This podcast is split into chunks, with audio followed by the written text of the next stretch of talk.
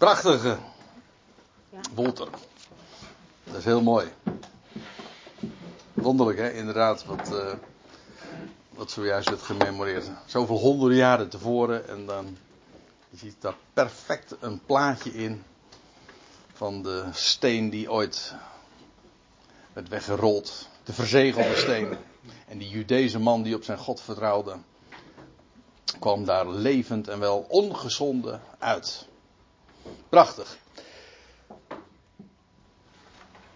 En wij gaan vanavond weer verder met het boek De Openbaring. Ja, de Openbaring, wel te verstaan, van Jezus Christus, deel 10.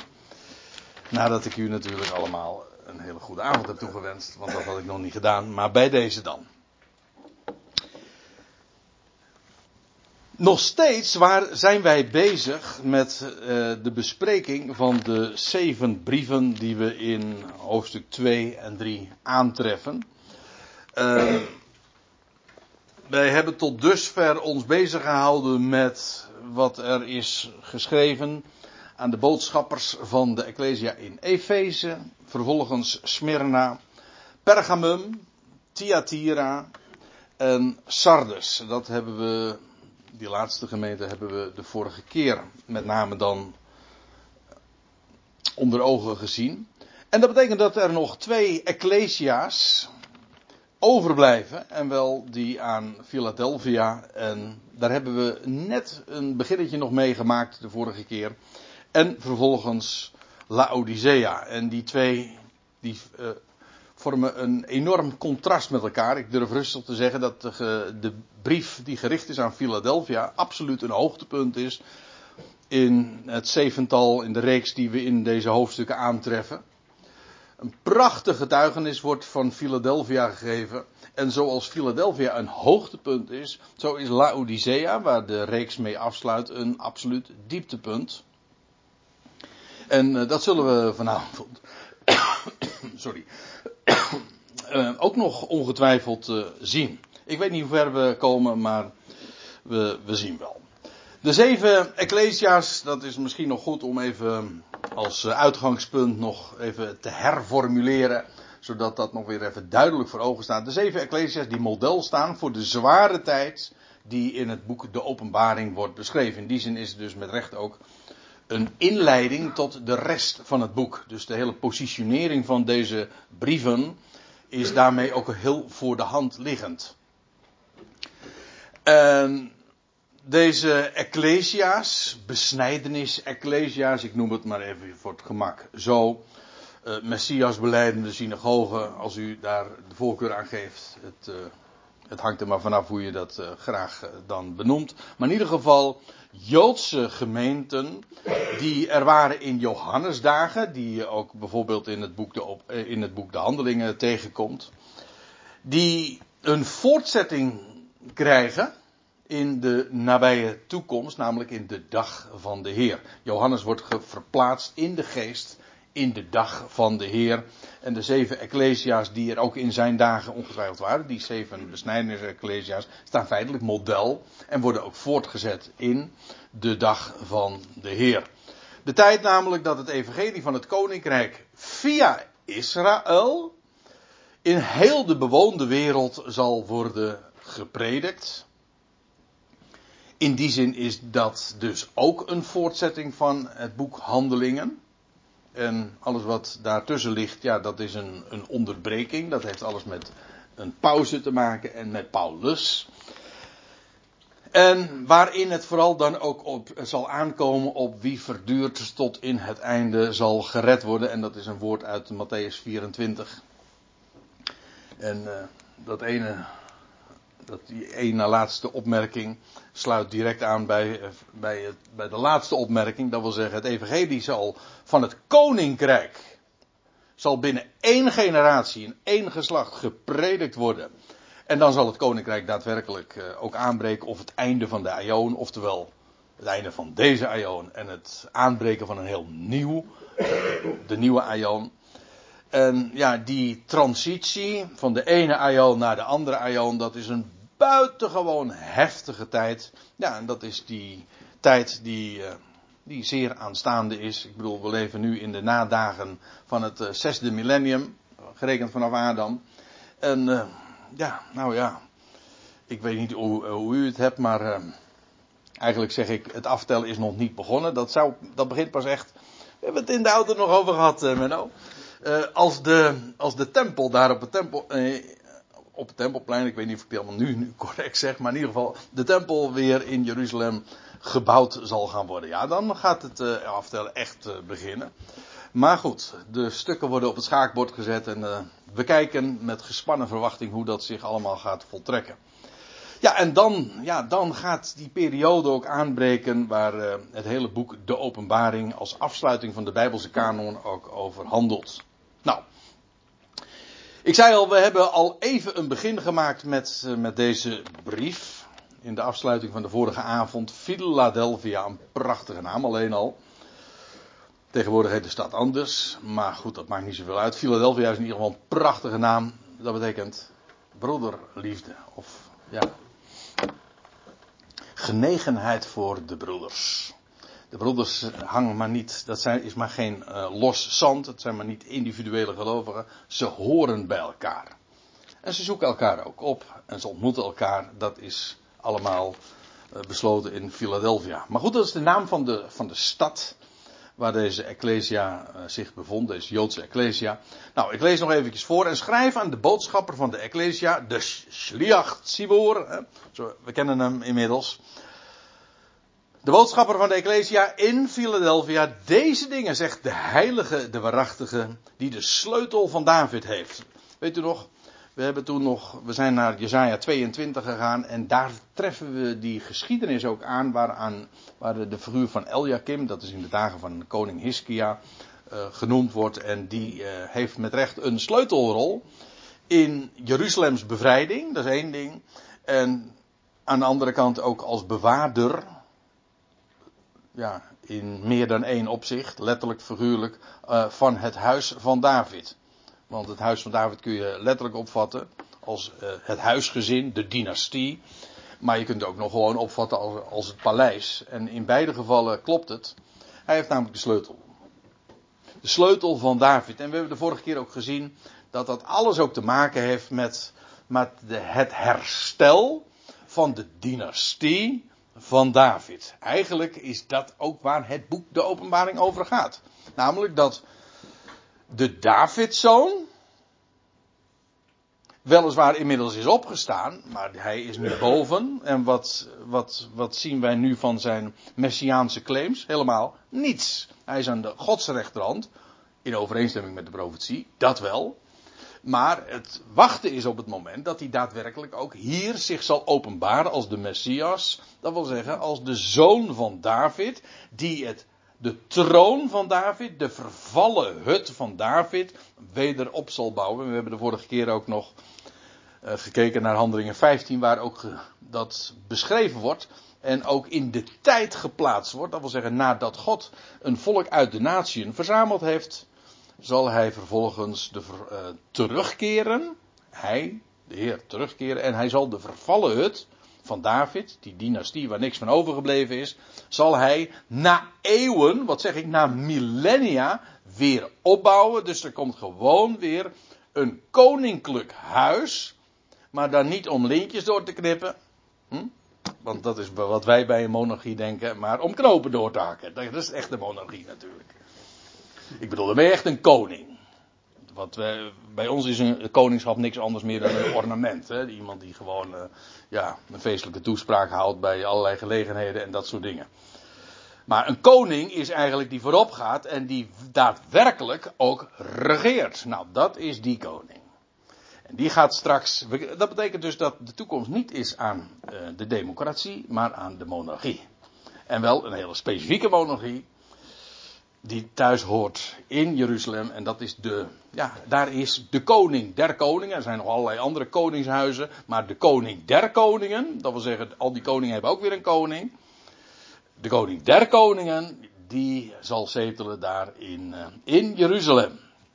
Nou, nou zijn we, als we het daarover hebben gehad. helemaal in de sfeer van het boek de Openbaring. Hij die de, dat zegt hij, de heilige, de waarachtige, die de sleutel van David heeft, die opent en niemand zal sluiten. En die sluit en niemand opent. Ja, dat is dus echt iemand die dus met recht een sleutelrol heeft. Een term die wij natuurlijk in dat verband ook altijd gebezen. En ja, wat is, doet iemand die de sleutelrol heeft? Nou, die gaat eigenlijk over uh, toegang en, uh, en uitsluiting.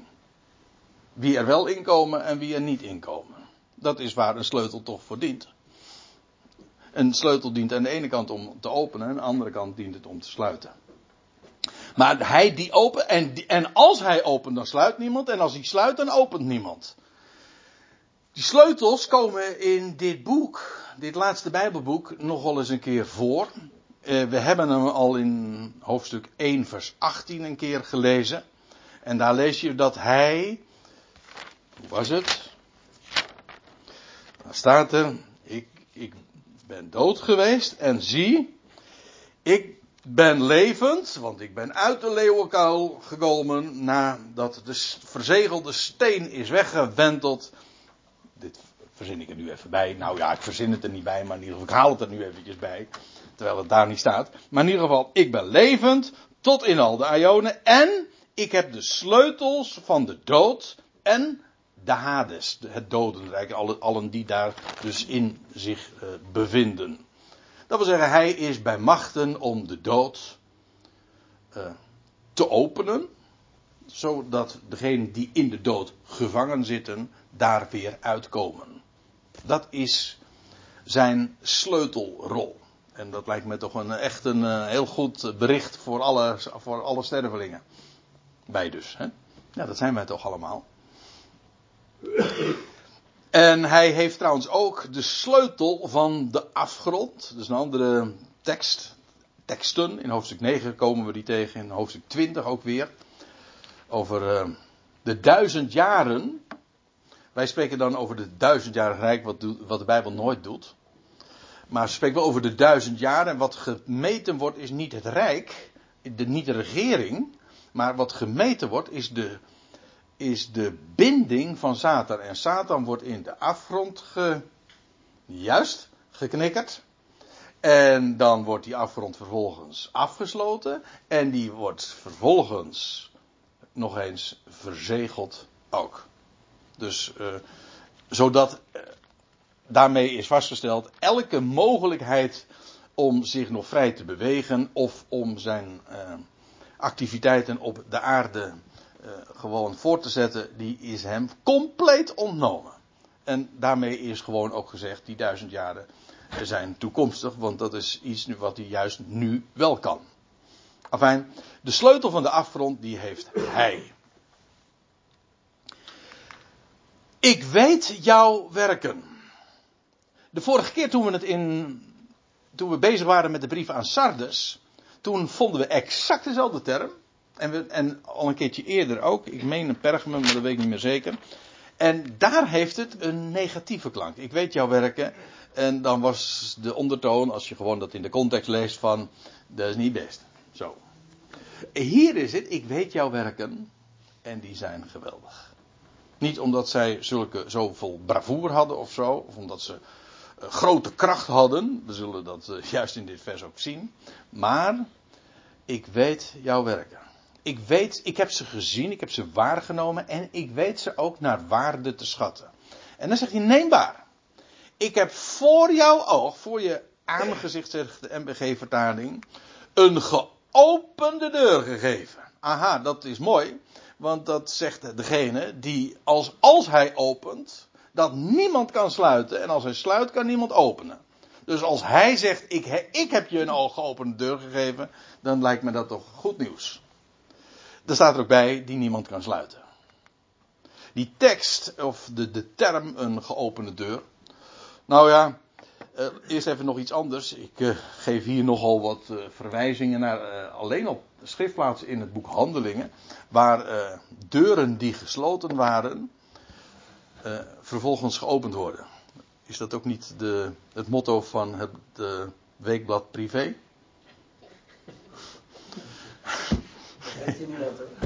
Ja, dat weten jullie niet, hè? Nee, nee, ik hou hem ook wel. U zegt, ik dacht, ik dacht, jij had het Bijbelstudie, joh. Nee, ik, ik herinner me voor zo'n reclamespotje van uh, privé. Deuren worden geopend die voor anderen gesloten zijn. Zoiets.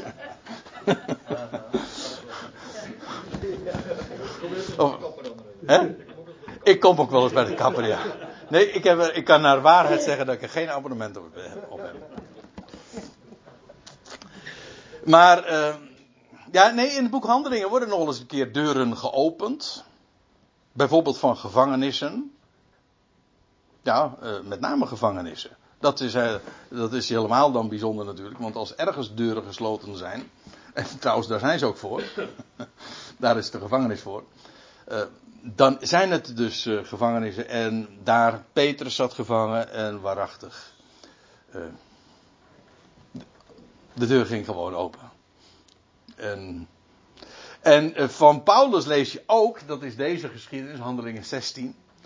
dan is hij in Filippi. En dat hij zo hard zingt. dat, dat er aardbeving kwam, ja. Uh, ze zongen in de nacht. En, maar ook dat de deuren open gingen. En toen kwamen niet alleen Paulus en Silas vrij, maar ook nog eens een keertje al die andere gevangenen. Zeer tot uh, schrik van de cipier natuurlijk. Maar goed. Uh, ik bedoel maar te zeggen, het is iets wat typerend is voor het werk van de Heer. Hij opent daar waar alles gesloten is en potdicht is. nou.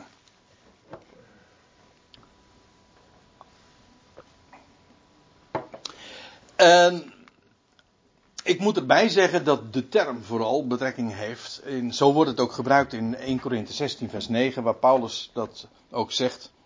Dat voor hem een machtige deur was geopend. En dat betekent gewoon eh, dat het woord ingang had gevonden. Vrij uh, logische beeldspraak ook. Een, als er een deur geopend wordt, ja, dat betekent dat je ingang hebt. En als een apostel, iemand die het woord doorgeeft, een heraut, ingang heeft, als daar een deur geopend wordt, ja, dat betekent dat hem entree wordt geboden. Dat hij naar binnen kan gaan en dat hij het woord kan spreken. Dus ik, ik heb ook uh, de stellige indruk dat als hier sprake is van een. Ik, ik heb je een geopende deur gegeven die niemand kan sluiten, dat daarmee ook gezegd is. Jullie, Ecclesia, uh, en jullie die daarin zijn en die een, een woord hebben, een woord bewaren, maar dat ook uitdragen, wel, dat zal ingang vinden op een wonderbaarlijke manier, want dat is natuurlijk het idee. Ik heb je een geopende deur gegeven, die niemand kan sluiten.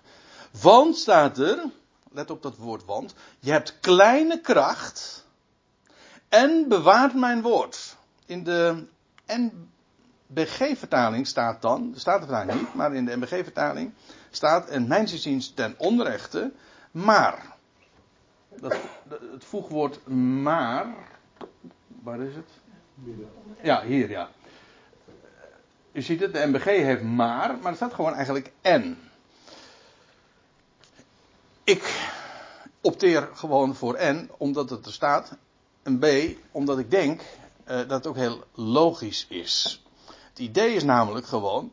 Uh, ik heb je een geopende deur gegeven, want jij hebt kleine kracht en bewaart mijn woord. Dat wil zeggen, jij hebt dan weliswaar kleine kracht, maar juist daarom, omdat jij kleine kracht hebt, heb ik je een geopende deur gegeven. En hoezo jou? Wel, je hebt mijn woord bewaard.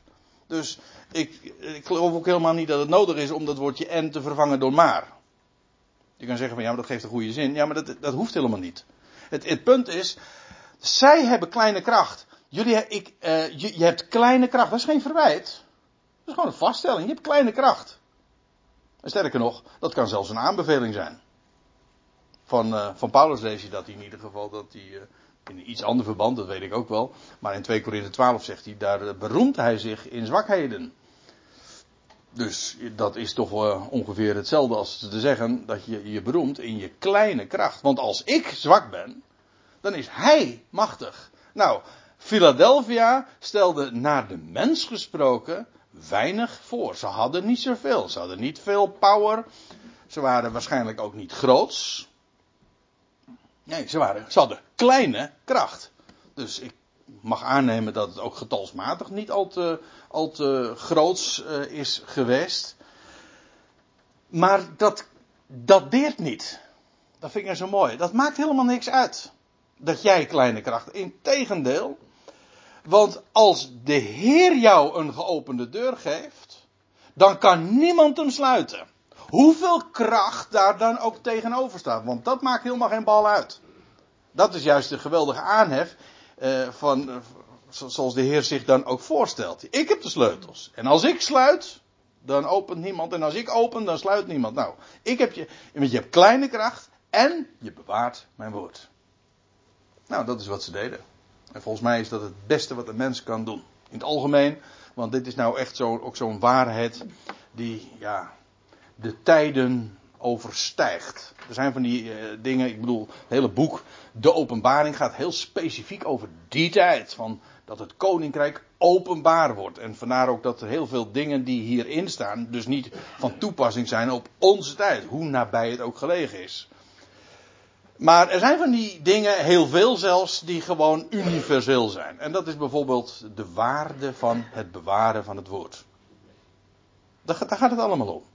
Als de Heer zijn woord geeft, ja, dan is er maar één ding dat telt en dat is bewaar dat woord. En waar? In je hart. Ja, dat denk ik dan ook. Uh, want uh, je leest dat diverse keren, bijvoorbeeld van een Maria. Ze bewaarde die, al die woorden in haar hart. Ze overwegende wat het betekenen mocht. Ja, dat is, dat, dat is het mooie. Je, je krijgt die woorden en je begrijpt ze misschien niet altijd, maar dat, ook dat maakt niet uit. Ook al begrijp je het niet, je hoort de woorden en je weet waar ze vandaan komen, dus je weet dat het waar is. Alleen je overlegt, je spreekt ook misschien met elkaar. Ik bedoel, dat is ook broederliefde. Hè? Philadelphia. Je spreekt met elkaar van, joh, wat zou dat betekenen? Wat denk jij? Uh, zou het misschien iets zus? Zou het misschien zo? Ja, maar daar staat ook dat. En, nou ja, weet je dat? Dat is het bewaren van het woord. En dat is wat zij deden. Ze bewaarden dat woord. En bovendien, uh, ze en je hebt kleine kracht en bewaart mijn woord. En verlogend mijn naam niet. Nou, het is mag wel duidelijk zijn dat die twee natuurlijk alles met elkaar te maken hebben. Want juist omdat ze zijn woord bewaren, dat geeft aan dat ze zoveel waarde toekenden aan degene die ze sprak. En daarom uh, hem, ja, de, hoe kennen we de Heer anders dan door, dat wat, door wat hij te melden heeft en te vertellen heeft? En als je dat woord bewaart, ja, dan, dan, is, dan staat zijn naam jou hoog in het vaandel en je verlogent mijn naam niet. Ik denk ook, dat is trouwens ook wel weer wel heel typerend voor deze tijd. Want uh, in een tijd van verwarring en verdrukking zijn dit de twee elementen die er zo uitspringen. De tijd van de openbaring, die worden gekenmerkt. Het is eigenlijk, ja, we zullen dat ook straks trouwens nog later in dezezelfde brief zien de tijd van de openbaring en waar, van die, dat hele beestperioden, dat is er een van verwarring, van misleiding ook. Maar dat is, als er een misleiding is, dan ontstaat er verwarring. Maar ook van enorme druk. En in een tijd van verwarring, wat is er dan, uh, waar gaat het dan allemaal om? En dat is dat je het woord bewaart. Want dat woord is namelijk ook een kompas. Zodat je precies weet, te midden van alle geluiden die er klinken, dat je precies toch weet. En ik bedoel dat niet uh, uh, laconiek, ja misschien wel laconiek, maar in ieder geval niet uh, zo van dat die misleiding niks voorstelt. Die misleiding is gigantisch en ik ben er vast van overtuigd dat ook wij dat nog in de komende jaren in toenemende mate enorm zullen gaan ervaren. Dat er zo enorm veel misleiding is. De technologie helpt daar ook heel erg aan mee natuurlijk. Want ja, als je iets wil, eh, een boodschap de wereld in wil zenden, dan gaat dat tegenwoordig wel heel erg makkelijk. Is zo enorm veel misleiding. Ja. En straks ook zo enorm veel uh, wereldwijd verdrukking. Ja, en wat is er dan van belang? ja, om zijn naam niet te verloochenen. Maar het geheim is het bewaren van het woord. Dat is het geheim. En dat is wat Philadelphia deed. Ze hadden kleine kracht, maar ze bewaarden, je bewaart mijn woord. En daardoor verlogen mijn naam niet. Neem waar, zegt de Heer. Ik zou sommigen vanuit de synagoge van de Satan geven. Die synagoge van de Satan, die kwamen we al uh, eerder tegen in uh, hoofdstuk 2, vers 9. Toen aan de, in de brief aan Smyrna. En toen hebben we al gezien, ja, die synagoge van de Satan, dat, is, dat plaatst ons meteen ook inderdaad wel weer er op Joods terrein, of in ieder geval op Joodse claims. Maar de tegenstander. En dat blijkt ook wel, want wat is het dat zij zeggen? dit komt trouwens vrijwel woordelijk overeen met wat we in hoofdstuk 2, vers 9 hebben gezien. Wat hier dus in ja, dat is leuk. In hoofdstuk 3, vers 9 komt uh, bijna woordelijk overeen met 2, vers 9. Het ene is aan de brief van Smyrna, en de andere aan Philadelphia. Maar ook daar lees je al van die synagoge van de tegenstander, van hen die zeggen Joden te zijn, maar het niet zijn, ze liegen. Uh, we hebben in de, in de overwegingen toen over, bij 2 vers 9, en ik kan het inmiddels wat, uh, wat misschien nog aanvullen en ook wat samenvatten. Uh, dat heeft een drieërlei toepassing als u het mij vraagt.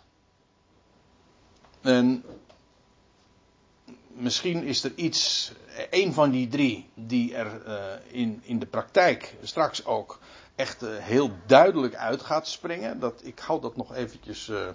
Ik heb een, hou een slag onder de arm, maar ik, ik noem het omdat er inderdaad drie categorieën zijn. Die, van mensen die zeggen dat ze Joden zijn, maar die het feitelijk niet zijn, naar waarheid. Uh, en de eerste gedachte is, en dat is een, uh, een die de Bijbel zelf ook noemt, bijvoorbeeld in, in de Romeinenbrief. Hij, niet hij is een Jood die het naar het vlees is, maar die het van harte is. He, waar het de, waar niet, niet het vlees, het voor, de voorhuid van het vlees is besneden, maar de voorhuid van het hart, waar de bedekking is weggenomen. Oftewel, waar, dat die ook tot ontdekking en erkenning van de Messias is gekomen.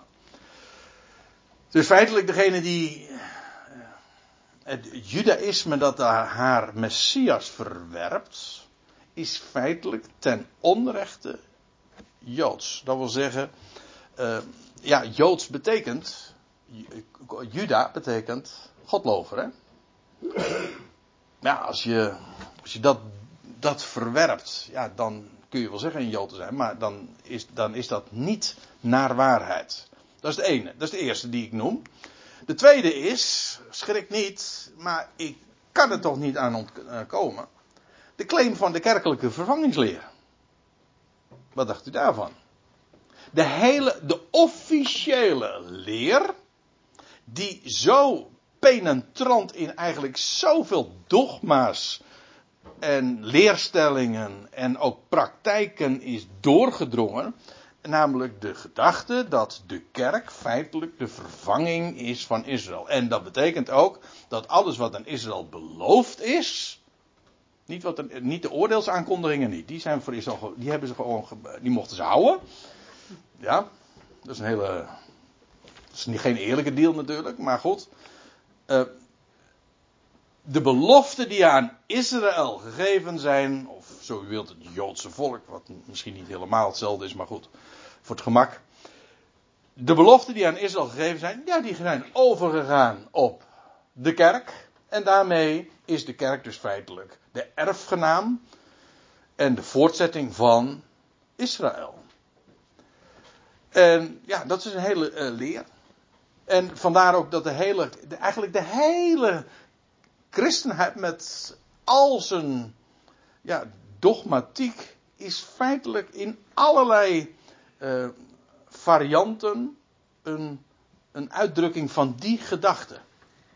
Ik bedoel, van, dat is niet alleen in het Rooms-Katholicisme zo met zijn, met zijn heiligdommen en met zijn ark en met zijn priesterkasten en met zijn priestergewaden. En alles, alles, alles van wat aan Israël is gegeven, heeft men overgenomen en heeft men daar een, een, een, een ja, heeft men gechristianiseerd of maar in ieder geval, de claim van de kerkelijke vervangingsleer, die uh, voldoet hier eigenlijk ook aan. Zij zeggen dat ze Joden zijn, maar ze zijn het niet. Ze liegen.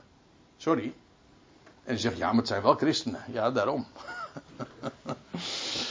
uh, moeten er natuurlijk niet partijdig zijn. Zeggen we, ja, maar als joden zijn of moslims, dan, is, dan krijgen ze een veeg uit de pan. Maar als het christenen zijn, dan moeten we toch een beetje netjes zijn. Nee, zo werkt het niet. De schrift is wat dat betreft ook volstrekt messcherp. Ik denk er trouwens nog aan een, en ik noemde zojuist al even de naam. Uh, ook de moslims komen hier uh, in zekere zin voor in aanmerking. Omdat ook de moslims zich wel degelijk opwerpen als de ware erfgenamen van Abraham. Dat zie je in de Koran heel sterk bijvoorbeeld doordat uh, de, belofte, de beloofde zoon, of de zoon van de belofte, is niet volgens de Koran Isaac, maar Ismaël. Ismaël is eigenlijk ook een soort van anagram, nou is niet, uh, van uh, islam. Toch? Maar in ieder geval, dat is wat de claim van de, de moslims uh, ook is. Dus de beloften die aan Abraham ooit gegeven zijn en die uiteindelijk dus uh, voor de Joden zijn, letterlijke volk van Israël bestemd zijn, ja, die zijn eigenlijk via via bij de moslims terechtgekomen. Zodat je hier van openbaring 3 vers 9, zie ik zo drie stromingen die daarvoor in aanmerking komen.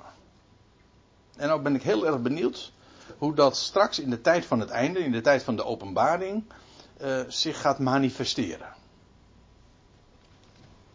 Ik, ik, ook hiervan zeg ik, ik hou rekening met, met uh, alle drie de toepassingen en ze bijten elkaar niet. Het, ik weet het niet. Maar in ieder geval, het zijn. ze komen in ieder geval eh, de claim van wij zijn Joden en erfgenamen daarmee van de, de belofte die God ooit heeft gegeven aan het volk Israël. Wel, de claim om dat over te nemen en ze eigenlijk te jatten, om het even Joods te zeggen. Uh, wel, die komen we op allerlei manieren dus tegen. Maar het is leugenachtig. Je kunt wel beweren, maar je liegt. Neembaar, ik zal maken. Let op. De Heer zegt, ik zal maken, dat, jullie hebben kleine kracht, dus van jullie hoef ik het niet te verwachten, maar dat ga, maakt ook niet uit. Ik zal maken dat zij komen, dat ze arriveren en zich neerwerpen voor jouw voeten. En ze zouden weten dat ik jou lief heb. Dat neerwerpen, dat is wel een interessant woord. Proscunio, dat, dat cunio, dat zit nog uh, het woord voor hond in. Of in ieder geval is uh, daarmee verwant. En um, het idee bij dat proscunio, dat is letterlijk, kijk, je kunt het zo in de woordenboek ook nakijken, dat heb ik niet zelf bedacht hoor. Ik bedenk sowieso uh, niks zelf, want daar ben ik veel te dom voor. Maar ik geef wel wat dingen dan door. Uh, dat proscunio, dat is eigenlijk, dat pros is een, een, voorzetsel, naartoe wil dat zeggen, pros, naartoe. En dat cunio heeft te maken met een hond, maar het idee daarbij is als een hond, uh, die, zich naar ze, die maakt zich klein, voor zijn eigenaar. En die likt dan de hand voor van, van zijn baasje, zeg maar. Dus dat onderwerpingsgedrag. Vandaar ook dat het in de MBG-vertaling weergegeven wordt met uh, zich nederwerpen. Ja. ja, dat is het dan ook. Zoals een hond dat doet als uh, daad van onderwerping, onderschikking. Het wordt trouwens uh, heel dikwijls ook vertaald in de MBG-vertaling met aanbidden. En feitelijk is dat ook wat aanbidden uh, is. Van origine, wij denken natuurlijk niet zo heel erg lijfelijk, maar het gebied waar de Bijbel uit voortgekomen is, ja, daar werd als, als, een, als een mens God aanbidt, onderwerp, ik, ik noemde net de naam moslim, islam, dat betekent letterlijk onderwerping. En ja, dat betekent, je, ma je, je, je maakt je letterlijk klein. Je buigt voor God. Maar ik moet erbij zeggen, de term is niet exclusief voorbehouden alleen maar uh, voor de neerwerping aan God. Want hier zie je van, uh, ik, ik ga maken dat zij die valselijk claimen Joden te zijn, maar liegen. Wel, ik maak dat zij zullen komen bij je. En ze zullen zich neerwerpen als een hondje zo klein zich uh, zich neerwerpen voor, voor jouw voeten. En ze zouden weten dat ik jou lief heb. Dat wil zeggen, ten onrechte hebben ze dat geclaimd en ze zullen erkennen van, zo is het. De waarheid daarvan zien. Omdat je het woord, vers 10, omdat je het woord van mijn verduren bewaart, zal ik ook jou bewaren uit het uur van de beproeving dat aanstaande is. Eerst even dit. Omdat je het woord van mijn verduren bewaart. Als u nou een MBG-vertaling hebt, dan uh, moet ik u teleurstellen. Of nou ja, in ieder geval moet ik u dan waarschuwen. Uh, want daar staat toch een weergave uh, die echt er niet op lijkt zelfs. Die, de MBG heeft het zo weergave. Het bevel om mij te blijven verwachten. Nou, het, ziet het hier. Dat is, dat is het mooie. Nou, Menno, de interlineair komt nog eens te sprake. Hier. Dan ziet u het woord van het verduren van mij. Dat ziet u, woord voor woord is dat de weergave. En wat heeft, wat heeft de MBG-vertaling gemaakt? Ervan gemaakt, dat bedoel ik helemaal niet zo lelijk als dat het er nu uitkomt. Maar uh, van woord heeft men een bevel gemaakt, dat is een ander woord. En dat van het, die tweede naamval, heeft men eigenlijk helemaal weggehaald, uh, wegvertaald. Van verduren, andere weergaven zeggen volharding, verduren, heeft men gemaakt te blijven verwachten. Sorry, maar dat is echt iets heel anders hoor. Het, in het beste geval lijkt het er niet eens op. Het is gewoon het woord van uh, mijn verduren. En wat betekent dat? Wel, de Heer verduurt. Mijn verduren. En daarover is een woord gesproken. Het woord namelijk van het verduren van mij. Dat is wat de Heer zegt. En dat hadden de, de, zij die daar in Philadelphia waren, hebben dat bewaard. Dat woord was hen dierbaar. Dat bewaarden zij. Dus niet van het bevel om mij te blijven verwachten. Daar gaat het helemaal niet om. Ik zeg niet dat, ik zeg niet dat ze hen niet verwachten. U, u uh, begrijpt natuurlijk wel dat dat totaal niet het punt is. Zo staat het er niet. Omdat je het woord van mijn verduren bewaart. Dat is trouwens iets. Uh, uh, het woord van mijn verduren. Wat. ja, het, het eerste waar ik aan denk het is vandaag Witte Donderdag, dus mag we wel zeggen, dat de Heer zelf ook, ook hier op aarde ooit verduurde. Dat wat hem allemaal is aangedaan. Want verduren is wat nog wat anders dan volharden. We hebben het er volgens mij al eens een keertje eerder over gehad. Volharden is iets actief. Je blijft doorgaan, maar verduren is eigenlijk meer passief. Je ondergaat veel, en, maar je blijft eronder staan. Dat is ook de grondgedachte van het woord. Je blijft eronder staan. Je verduurt het. Alles wat er op je afkomt aan leed, aan smaad, aan pijn, aan moeite, aan tegenwerping. Je verduurt het. En dat heeft de Heer gedaan. Mijn verduren. En dat wat er allemaal tegen hem gezegd werd. Hè, en ook in de nacht dat hij werd overgeleverd. Dat hij uh, daar in Gethsemane kwam. En ja, hij werd gevangen genomen en hij heeft het verduurd. En dan komt hij bij, uh, nou ja, diverse, van Herodes naar Pilatus en naar de Joodse raad. En, en, en, en daar werd hij gescholden en hij verduurde het allemaal. Ja, waarom? Hij had een missie, hij wist, dit moest gebeuren. Dit lijden moest hij inderdaad verdragen. En dat heeft hij gedaan, hij heeft het volbracht tot het einde aan toe. Eigenlijk was dat ook niet eens zozeer actief. Begrijpt u wat ik bedoel? De Heer heeft, eh, als je eenmaal in die sfeer eh, gekomen bent van je wordt gevangen genomen en je wordt uiteindelijk uh, gekruisigd, ja, dan is het alleen nog maar verduren. En de Heer heeft het verduurd. En weet u wat, wat zo mooi is? Als, ik er nou toch over, als we het er nou toch over hebben. Wat heeft de Heer gedaan? Hij bewaarde het woord. Ook op het kruis heeft hij Psalm 22, dat weten we heel eh, zeker, heeft hij Psalm 22 gereciteerd. Met, met de kracht die nog in hem was. Hè, terwijl zijn, zijn tong aan zijn hemel, verhemelde lees je dan kleefde en, en, en ze uitgedroogd was. Hij was al zijn krachten vergingen. Maar het woord van God was op zijn lippen. En bij gelegenheid heeft hij het ook uitgeroepen nog. Maar het woord was bij hem. Dat is dat verduren. Dat is trouwens ook het grote geheim van verduren is dat je het woord bewaart. Hij heeft en dat woord bewaren is niet een bevel. Dat, terwijl ik het er nu over heb, denk ik ineens, dat klopt helemaal niet. Het woord van mijn verduren is niet een bevel. Het geheim is juist dat woord is een belofte.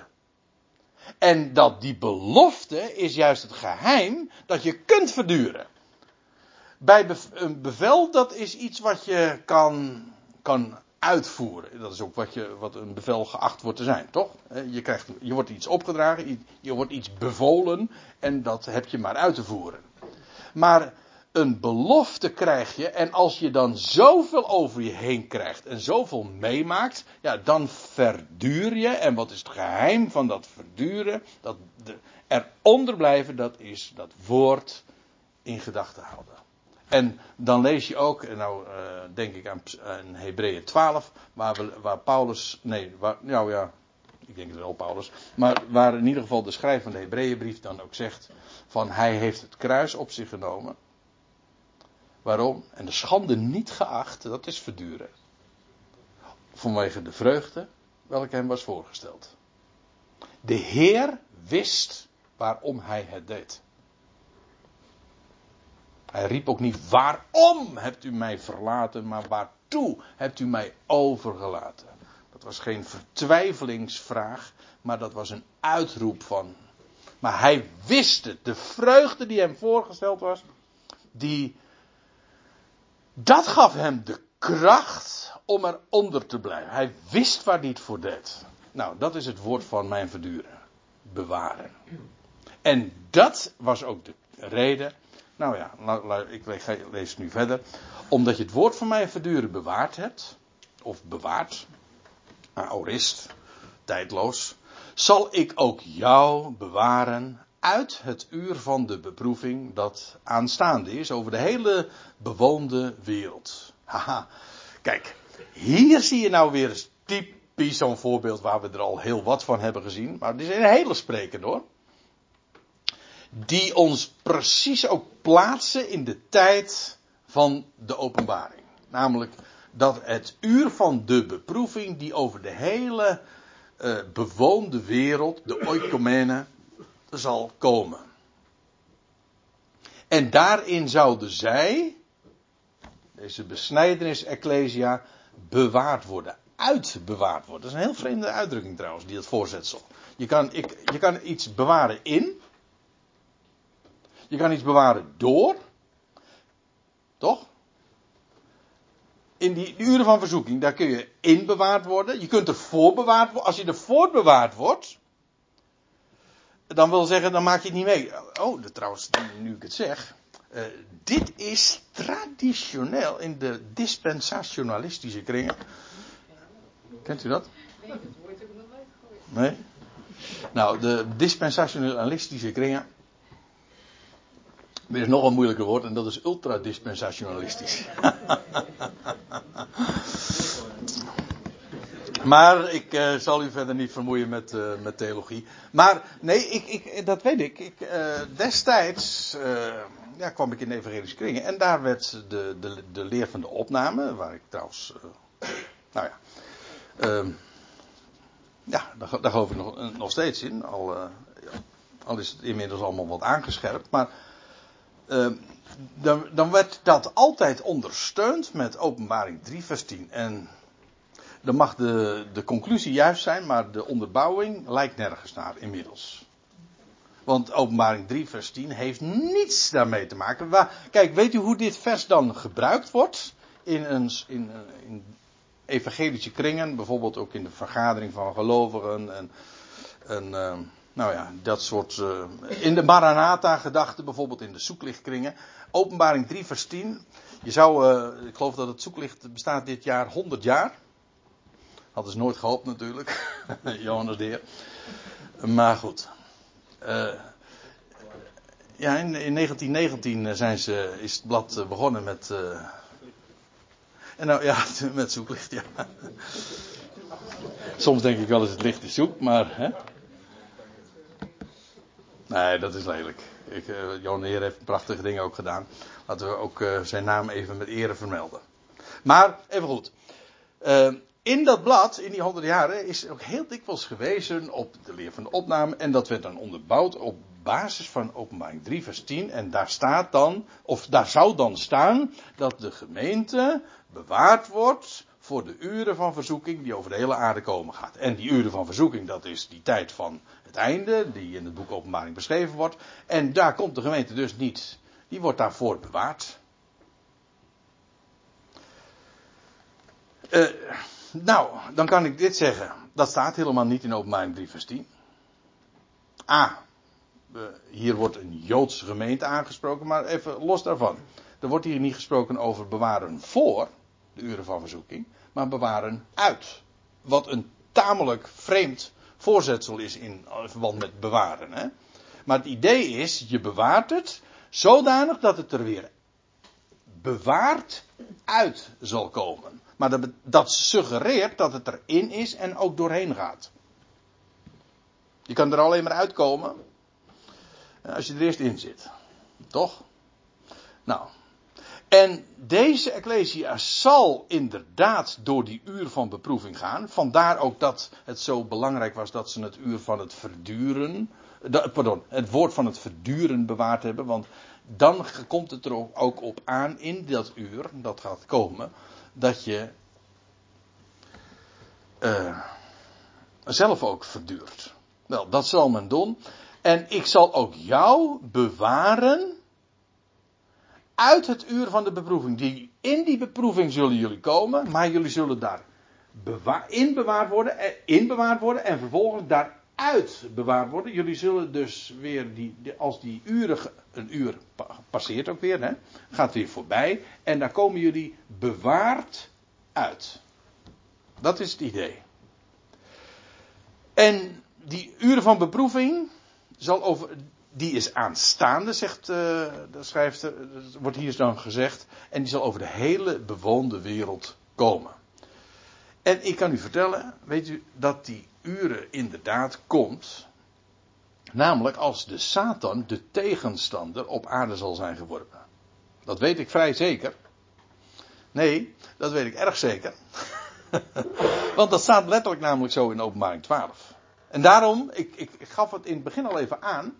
Deze brieven kun je alleen maar verstaan tegen de achtergrond van de hele samenhang, de hele de context van het hele boek. Deze, het is een inlijn, deze Ecclesia wordt aangesproken juist omdat zij gewapend worden voor die periode die beschreven wordt. En dat is het uur van de beproeving. Dus de dag van de Heer. Het heeft allerlei namen die min of meer uh, samenvallen. Niet helemaal, maar in ieder geval wel gaan over diezelfde uh, tijdsperiode. Er staat in openbaring 12, laten we er even naartoe gaan. En anders, als u er niet naartoe gaat, dan neem ik u gewoon mee. Uh, hier, 12 vers 9. Hé, hey. ja, nee, vers 9 ja. En de grote draak. Wie dat is, dat hoeft niet uh, verbaasd te worden, want hij wordt hier zeer nauwkeurig verder ook beschreven. En de grote draak werd uitgeworpen. Het gaat hier trouwens, hij werd geworpen uit de hemel. Hè? Hij was nog in de, op, in de hemel. U, eventjes voor de goede orde. Die mannelijke zoon die wordt weggerukt. Kijk, dat is een wegrukking. Die mannelijke zoon wordt weggerukt tot God en zijn troon. Vervolgens gaat die vrouw, ik, ik ga er even vanuit dat we allemaal nu weten waar ik het over heb. En die vrouw, Israël, wordt dan uh, wordt bewaard. Die wordt bewaard in de woestijn. Zo staat het ook letterlijk. Waar een plaats, haar een plaats van God bereid is, waar zij 1260 dagen lang gewoon een, een onderduikadres heeft. En daar zal ze ook gevoed worden enzovoorts.